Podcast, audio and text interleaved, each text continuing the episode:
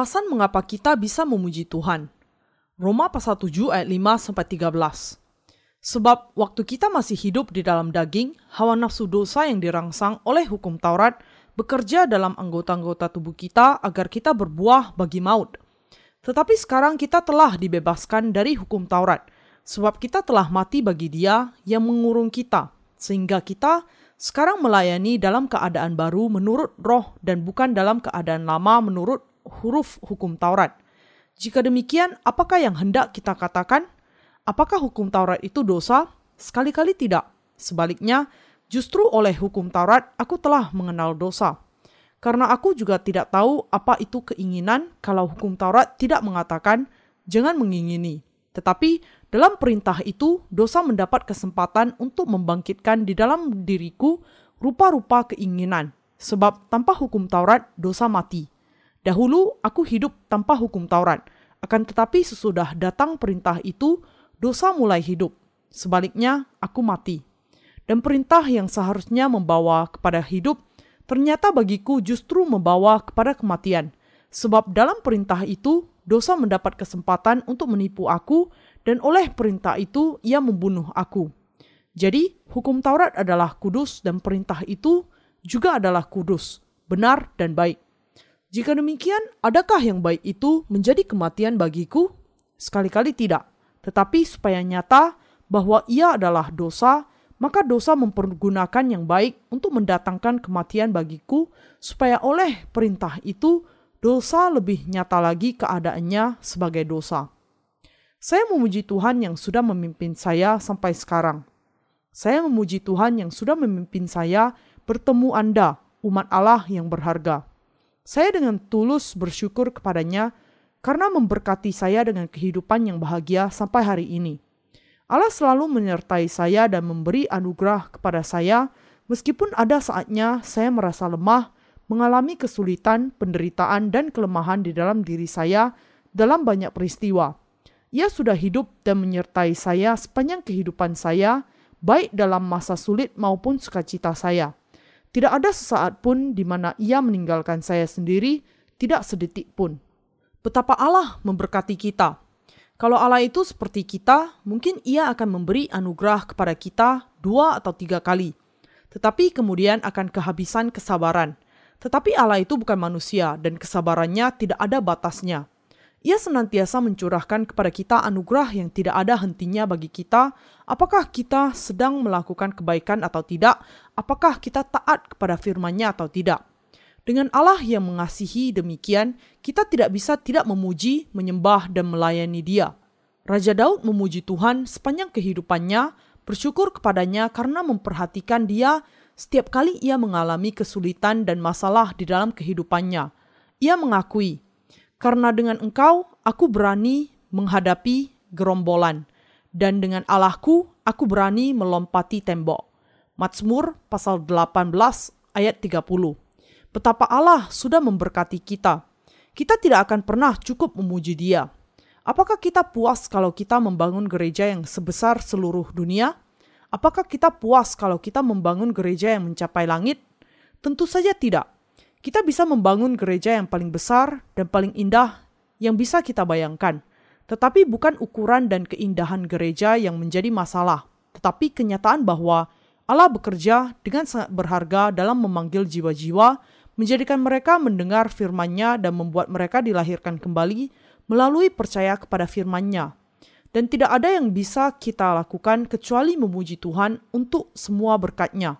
Kita bersyukur kepada Allah karena mengizinkan kita melayani Dia, menghasilkan buah-buah dari pekerjaannya, dari apa yang pasti akan terbuang kalau kita tidak hidup demikian. Tidakkah Anda bersyukur bahwa Allah mengizinkan Anda duduk di sebuah pusat retreat Allah kita sudah memberkati kita dengan anugerahnya yang tidak terbatas dan yang sudah menjaga kita seperti biji matanya. Siapakah kita dan apakah yang kita lakukan sampai kita layak mendapat kasihnya? Kita bukan siapa-siapa dan kita tidak melakukan apa-apa. Tetapi Allah sudah menjadikan kita berharga di hadapannya bukan karena kita memiliki apa-apa untuk kita tunjukkan, tetapi karena kita sudah dilahirkan kembali kita sama sekali tidak berharga sebelum kita bertemu Yesus Kristus.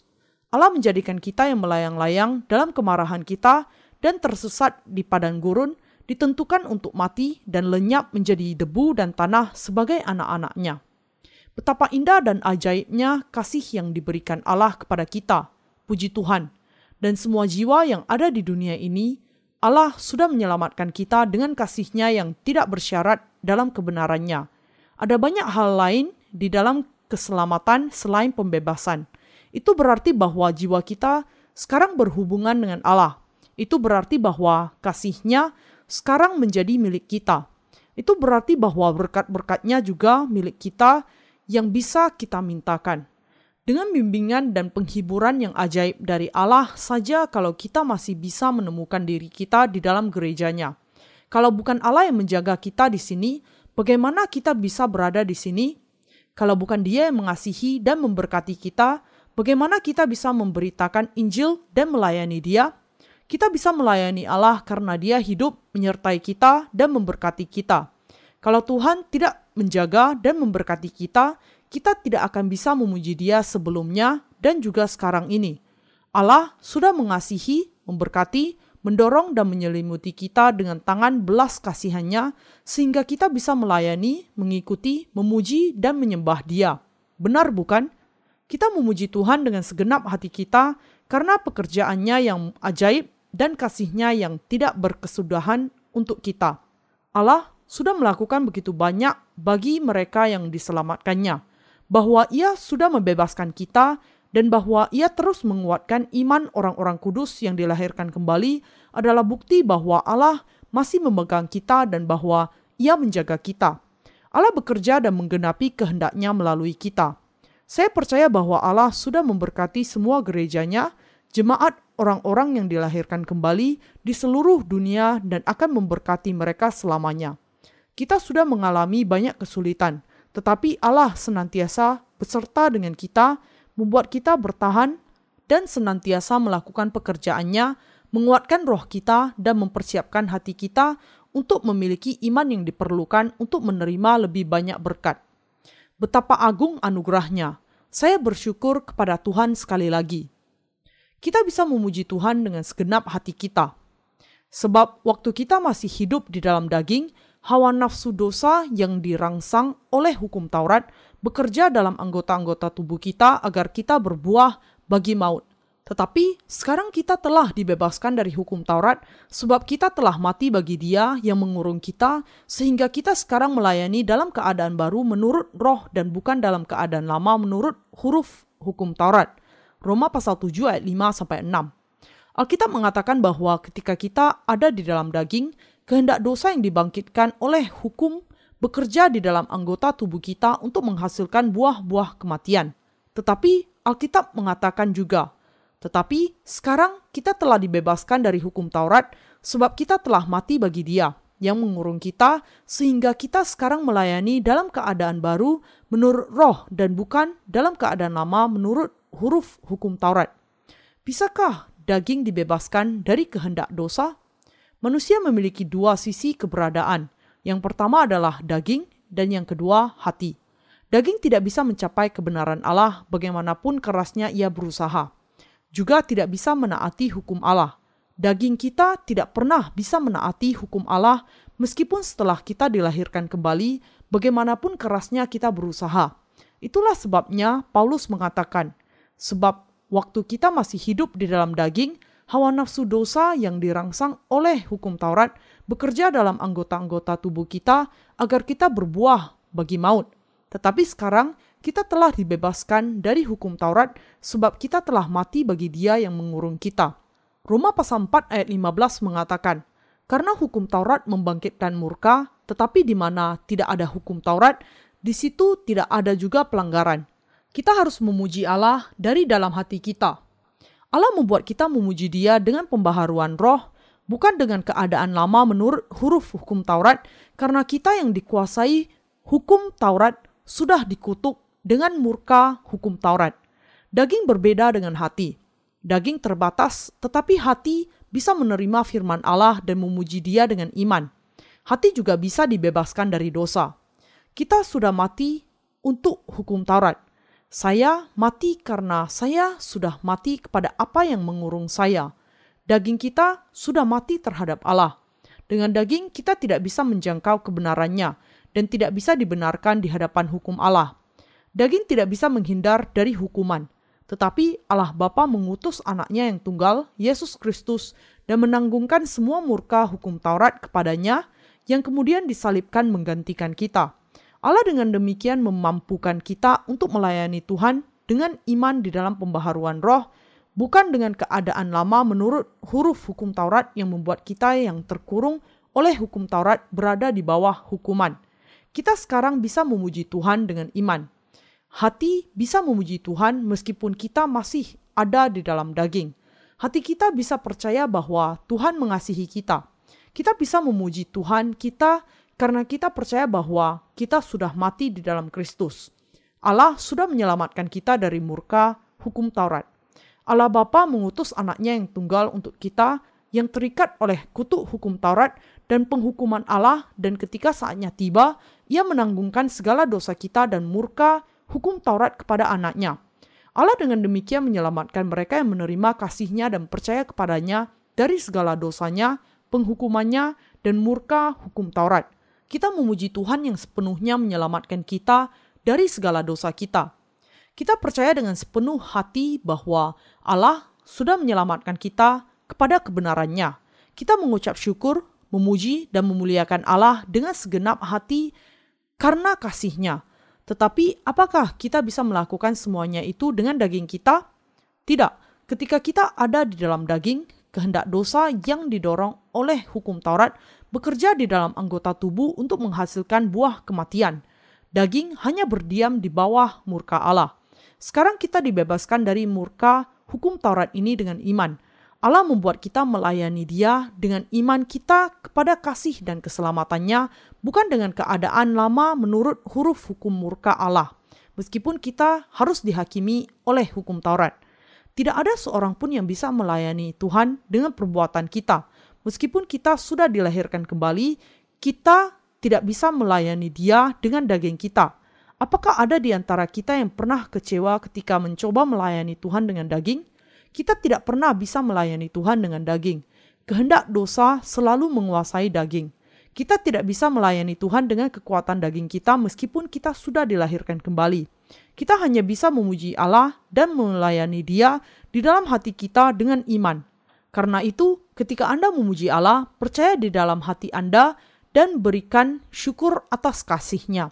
Kemudian, daging bisa menjadi alat yang mengikuti iman. Saya memuji Tuhan yang menyelamatkan kita dari segala murka hukum Taurat karena saya percaya kepadanya dengan hati saya. Saya bersyukur kepada Tuhan. Ia sudah menyelamatkan saya sepenuhnya. Ia sudah membebaskan saya dari dosa-dosa harian saya dan dari kutuk hukum Taurat. Janganlah ada keraguan. Tuhan kita sudah menyelamatkan kita. Apa pun kelemahan dan kekurangan kita, Allah sudah menyelamatkan kita karena Ia mengasihi kita.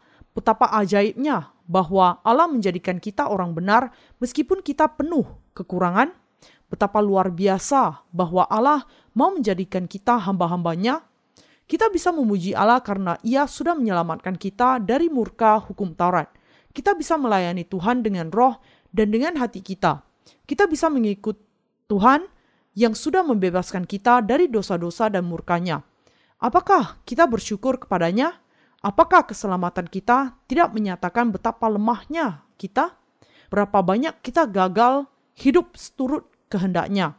Meskipun kita sudah berusaha sekuat tenaga kita, berapa banyak kita menyombongkan diri, berapa banyak kelemahan yang kita miliki, kita tidak pernah bisa memuji Tuhan dengan daging dan perbuatan kita, tidak sekarang, tidak juga di masa yang akan datang. Kita memuji Allah atas apa yang sudah dilakukannya dengan hati kita. Hanya dengan hati dan oleh iman kita bisa memuji Tuhan. Kita tidak bisa memuji Tuhan dengan daging kita. Kebenaran kita sendiri akan hancur, berantakan ketika kita mengikuti Tuhan.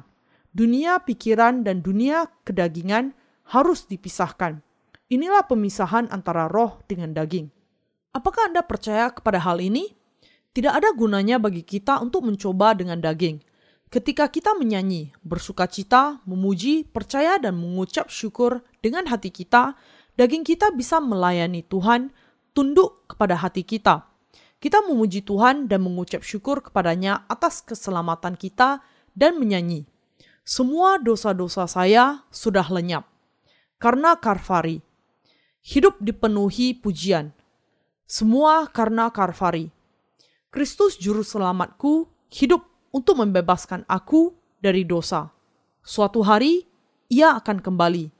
Oh, betapa indah harinya! Semua, ya, semua karena Karvari. Tetapi kita kadangkala tersandung karena daging. Kita berpikir mengenai diri kita. Mengapa aku begitu lemah meskipun aku tidak memiliki dosa? Kemudian kita mulai bertanya kepada diri kita. Segala dosaku sudah lenyap itu benar. Hidup dipenuhi pujian. Itu benar juga. Semua karena Karvari. Semua itu benar. Tetapi apa sebabnya aku begitu penuh kelemahan? Ah, dagingku yang memelas sekali. Ketika kita merasa sedih, Allah mengatakan kepada kita, Mengapa engkau tertekan, hai jiwaku? Tidakkah engkau tahu bahwa aku juru selamatmu? Aku membuat engkau menjadi orang benar. Kita tidak bisa melayani atau mengikuti Allah dengan daging kita. Kita bisa melayani Allah dengan percaya kepada apa yang dilakukannya untuk menyelamatkan kita, dengan mengasihi Dia, bersyukur, dan memuliakan Dia dengan hati kita. Saya ingin agar Anda memuji Allah dengan hati Anda. Saya juga ingin Anda percaya dan mengucap syukur kepadanya dengan hati Anda. Hal-hal itu hanya mungkin melalui hati kita.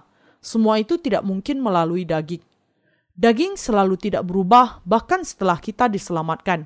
Yang dikatakan Rasul Paulus di dalam bagian di atas bisa diaplikasikan dalam keadaan sebelum dan sesudah diselamatkan. Firman Allah adalah sama untuk mereka yang diselamatkan dan yang belum diselamatkan. Apakah Anda terus menyenangkan Allah dengan daging setelah Anda diselamatkan? Apakah Anda terus menyenangkan Allah dengan daging setelah Anda diselamatkan? Apakah Anda berpikir Anda bisa menyenangkan Allah karena Anda berbeda dengan yang lain dan Anda melayani Allah lebih dibandingkan dengan mereka? Mereka yang dipenuhi kebenaran mereka sendiri akan suatu hari jatuh ke dalam lumpur. Ada beberapa orang yang sudah mengalami jatuh ke dalam lumpur dan lubang kotoran. Ada seorang saudari yang jatuh ke dalam lubang kotoran dalam pertemuan Alkitab musim panas ini. Maksud saya ini sungguh-sungguh kakus dan untungnya lubang itu belum dipakai. Kalau ada seseorang yang sudah memakainya, maka ia akan masuk ke dalam masalah yang besar. Kami menggali lubang yang cukup dalam dan membuat beberapa kakus di perbukitan itu kalau kami mempersiapkan pertemuan Alkitab di alam terbuka ini. Kemudian kami akan meletakkan pijakan kaki di masing-masing toilet itu, tetapi kami belum memantapkan semua pijakan untuk setiap kakus. Karena itu, saudari ini terpeleset dan jatuh ke dalam sebuah lubang. Allah sudah menggali lubang yang demikian bagi mereka yang dipenuhi dengan kebenaran mereka sendiri. Allah ingin agar kita hanya memuliakannya. Jiwa saya merasa tidak nyaman dan tidak puas kalau saya menyimpang dari jalan yang benar setelah diselamatkan. Kalau saya memikirkan mengenai apa sebabnya saya merasakan hal ini, saya menyadari bahwa pakaian saya dicemari oleh kenajisan. Saya kemudian mengerti bahwa saya tidak seharusnya menempuh jalan itu, tetapi saya dengan cepat lupa kembali. Segera setelah saya menyadarinya, saya bertobat dan mengatakan, "Saya seharusnya tidak melakukan hal ini. Apa yang ada di dalam pikiranku, oh Tuhan? Aku memuji Engkau karena menghapus segala dosaku, tetapi saya melakukan dosa lagi dalam sekejap saja." Kadangkala saya ada di dalam anugerah Allah dan tiba-tiba saja jatuh ke dalam dosa. Kemudian, saya mendapati diri saya lari dari dosa menuju kepada anugerah Allah. Bolak-balik saya terombang-ambing. Karena itu, saya mengeluh dengan duka dan keputusasaan atas keberadaan saya. Saya kemudian mengenal bagaimana kotornya saya setelah dosa-dosa saya diampuni. Saya sampai kepada pemahaman yang dalam dan berpikir, ini mengerikan. Mengapa saya begitu banyak kelemahan dan lemah meskipun saya percaya kepadamu Allah? Kehendak dosa yang didorong oleh hukum Taurat bekerja di dalam anggota tubuh kita. Saya menyadari bahwa semakin saya berusaha untuk hidup seturut hukum Taurat, semakin daging saya jatuh ke dalam kehendak dosa. Saya kemudian tahu bahwa daging tidak akan pernah bisa mengikuti Allah. Saya kemudian bisa melayani Allah dengan mempersembahkan daging saya sebagai alat kebenaran Allah dan memuji apa yang diberkati Allah setelah percaya kepadanya dengan hati saya. Daging hanyalah segumpal kehendak dosa. Mereka yang tidak tahu bahwa dirinya hanyalah segumpal kehendak dosa menjadi terkejut karena cepatnya mereka jatuh ke dalam dosa ketika mereka sementara berhenti melayani Tuhan. Kita harus percaya kepada Tuhan, memuliakan Dia, dan mengikuti Dia dengan hati kita Mengikuti Dia dengan hati adalah berkat anugerah Tuhan. Hanya ketika kita percaya kepadanya dengan hati kita saja, kita bisa mengikuti Dia. Ketika kita di dalam daging, kehendak dosa yang didorong oleh hukum Taurat bekerja di dalam anggota tubuh kita untuk menghasilkan buah kematian. Ketika kita tidak memuji atau mengikuti Tuhan dengan hati kita, daging kita dengan cepat jatuh ke dalam kehendak dosa. Kita semua memiliki kecenderungan ini. Demikian juga Rasul Paulus. Paulus terus lajang sepanjang hidupnya memberitakan Injil. Tetapi ia bisa tahu bahwa dosa terus ada melalui kehendak dosa di dalam daging. Ia mungkin juga berpikir, saya takut. Saya dipenuhi dengan sukacita beberapa saat yang lalu. Tetapi, mengapa sekarang saya begitu murung? Apa yang salah denganku? Aku begitu rahani beberapa saat yang lalu sementara aku merasa seperti sampah sekarang. Setelah memikirkannya, ia kemudian memahami bahwa ia tidak bisa melayani Tuhan tanpa memisahkan antara daging dari hati. Aku manusia celaka. Aku tidak bisa melakukan kebaikan dengan dagingku. Daging tunduk kepada hati ketika kita memuji dan mengikuti Allah dengan hati kita.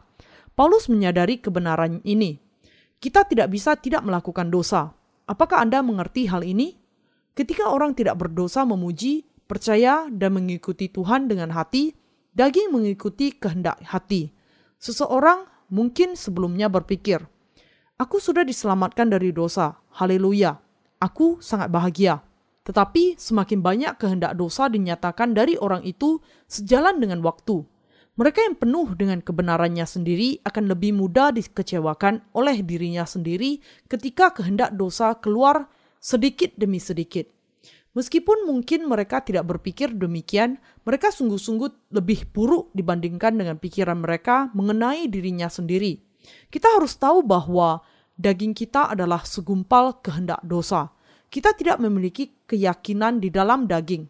Anda tidak boleh bersandar kepadanya. Justru percaya kepada anugerah Allah, muliakan Tuhan, dan ikuti Dia dengan segenap hati Anda. Hal itu hanya bisa terjadi dengan hati. Puji Tuhan, karena anugerah Allah yang memungkinkan saya yang memiliki kelemahan dalam berbicara dan penuh dengan kebenaran diri sendiri untuk memberitakan Injil. Bagaimana saya bisa melakukan tanpa anugerah Tuhan? Saya hanya bisa memuji Tuhan saya. Saya bersyukur kepada Tuhan yang memampukan saya memuji Dia. Saya bersyukur kepada Tuhan yang sudah menghapus segala dosa saya dan memberikan Roh Kudus kepada kita yang memampukan kita memuji Dia dengan hati kita, bukan dengan daging kita. Kita bisa memuji dan memuliakan Dia karena kita percaya kepadanya di dalam hati kita. Maka, oleh karena itu, hati kami senantiasa yakin, meskipun kami sadar bahwa selama kami mendiami tubuh ini, kami masih jauh dari Tuhan. 2 Korintus pasal 5 ayat 6. Saya memuji Tuhan yang menyelamatkan kita dari segala dosa saya memuji dan bersyukur kepada Tuhan. Saya memuliakan dan percaya kepadanya. Tuhan menyelamatkan kita dari segala dosa meskipun kita ditentukan untuk mati setelah menjalani kehidupan yang penuh kehendak dosa. Ia mengizinkan kita untuk diselamatkan dengan percaya kepada Allah dengan hati kita. Ia memungkinkan kita memuji Dia dan memberikan sukacita kepada kita. Jangan mencoba melayani Allah dengan kekuatan daging. Itu tidak mungkin. Jangan berusaha mencapai kesalehan dengan daging. Itu tidak bisa dicapai. Berhentilah dari semua usaha daging. Bagaimana kemudian kita bisa mengikut Allah? Jawabannya adalah dengan menggunakan hati kita. Kita bisa melayani Dia dengan hati dalam pembaharuan roh. Allah kita sudah menyelamatkan kita, karena itu Ikutilah Dia dengan hati Anda yang memampukan Anda menerima keselamatan. Saya memuji Allah. Berapa banyak orang yang meratapi dirinya, mereka mengeluh dengan sedih dan menyiksa diri sambil berkata, "Mengapa aku bertindak demikian?" Jangan seperti mereka. Sangat tidak mungkin bagi Anda untuk tidak melakukan dosa dengan daging Anda. Jangan mencoba melakukan apa yang tidak mungkin menjadi mungkin. Saya ingin Anda percaya kepada Allah dan memuji Dia dengan hati Anda. Daging kemudian akan mengikuti hati. Sudahkah Anda berusaha mengikuti Tuhan dengan daging Anda dalam waktu lama setelah Anda diselamatkan? Apakah Anda memiliki masalah melakukan apa yang seharusnya tidak Anda lakukan? Kalau demikian, masalahnya adalah bahwa Anda sudah berusaha untuk melayani Tuhan dengan daging, bukan dengan hati. Apakah Anda tahu apa yang dikatakan oleh mereka yang tidak menghargai dan pemfitnah? Mereka menertawakan saya, mengejek saya. Tetapi saya hanya tersenyum kepada mereka, karena saya tahu bahwa mereka tidak tahu apa yang terjadi dengan saya. Saya bisa memberitakan Injil karena Tuhan sudah menghapus segala dosa saya. Kalau Tuhan belum menghapus segala dosa saya, saya akan dihukum dan mati bagi Allah. Allah menjadikan kita sempurna dengan membuat kita satu dengan roh. Ia membuat kita orang-orang yang memuji dia. Ia membuat kita hidup dengan pikiran yang penuh ucapan syukur. Ia membuat kita bersuka cita di dalam berkatnya. Puji Tuhan. Puji Tuhan yang menjadikan kita anak-anaknya. Kiranya semua kemuliaan menjadi miliknya dan hanya miliknya. Tidak pernah terlambat. Tinggalkan keyakinan Anda kepada daging Anda kehendak dosa muncul dari kehidupan kita dalam kesempatan pertama, walaupun hanya sangat kecil saja. Daging selalu berusaha untuk membuat dirinya sebagai prioritas melebihi kehendak Allah. Inilah sebabnya mengikut Allah hanya mungkin melalui iman. Itu tidak mungkin dilakukan dengan daging. Jangan mendustai diri Anda setelah Anda diselamatkan. Masih mungkin bagi kita untuk jatuh, meskipun kita telah diselamatkan karena kita tahu dengan baik bahwa daging senantiasa tidak sempurna dan lemah. Kita adalah orang-orang roh, orang-orang iman. Jangan letakkan keyakinan Anda di dalam daging Anda. Ulangi perkataan saya, daging saya adalah seperti keranjang sampah. Saya ingin Anda mengingat ini. Jangan percaya kepada diri Anda sendiri. Kita harus percaya dan mengikuti Allah dengan hati kita. Saya bersyukur kepada Tuhan dan memuji Dia karena menyelamatkan kita dari semua murka hukum Allah. Haleluya!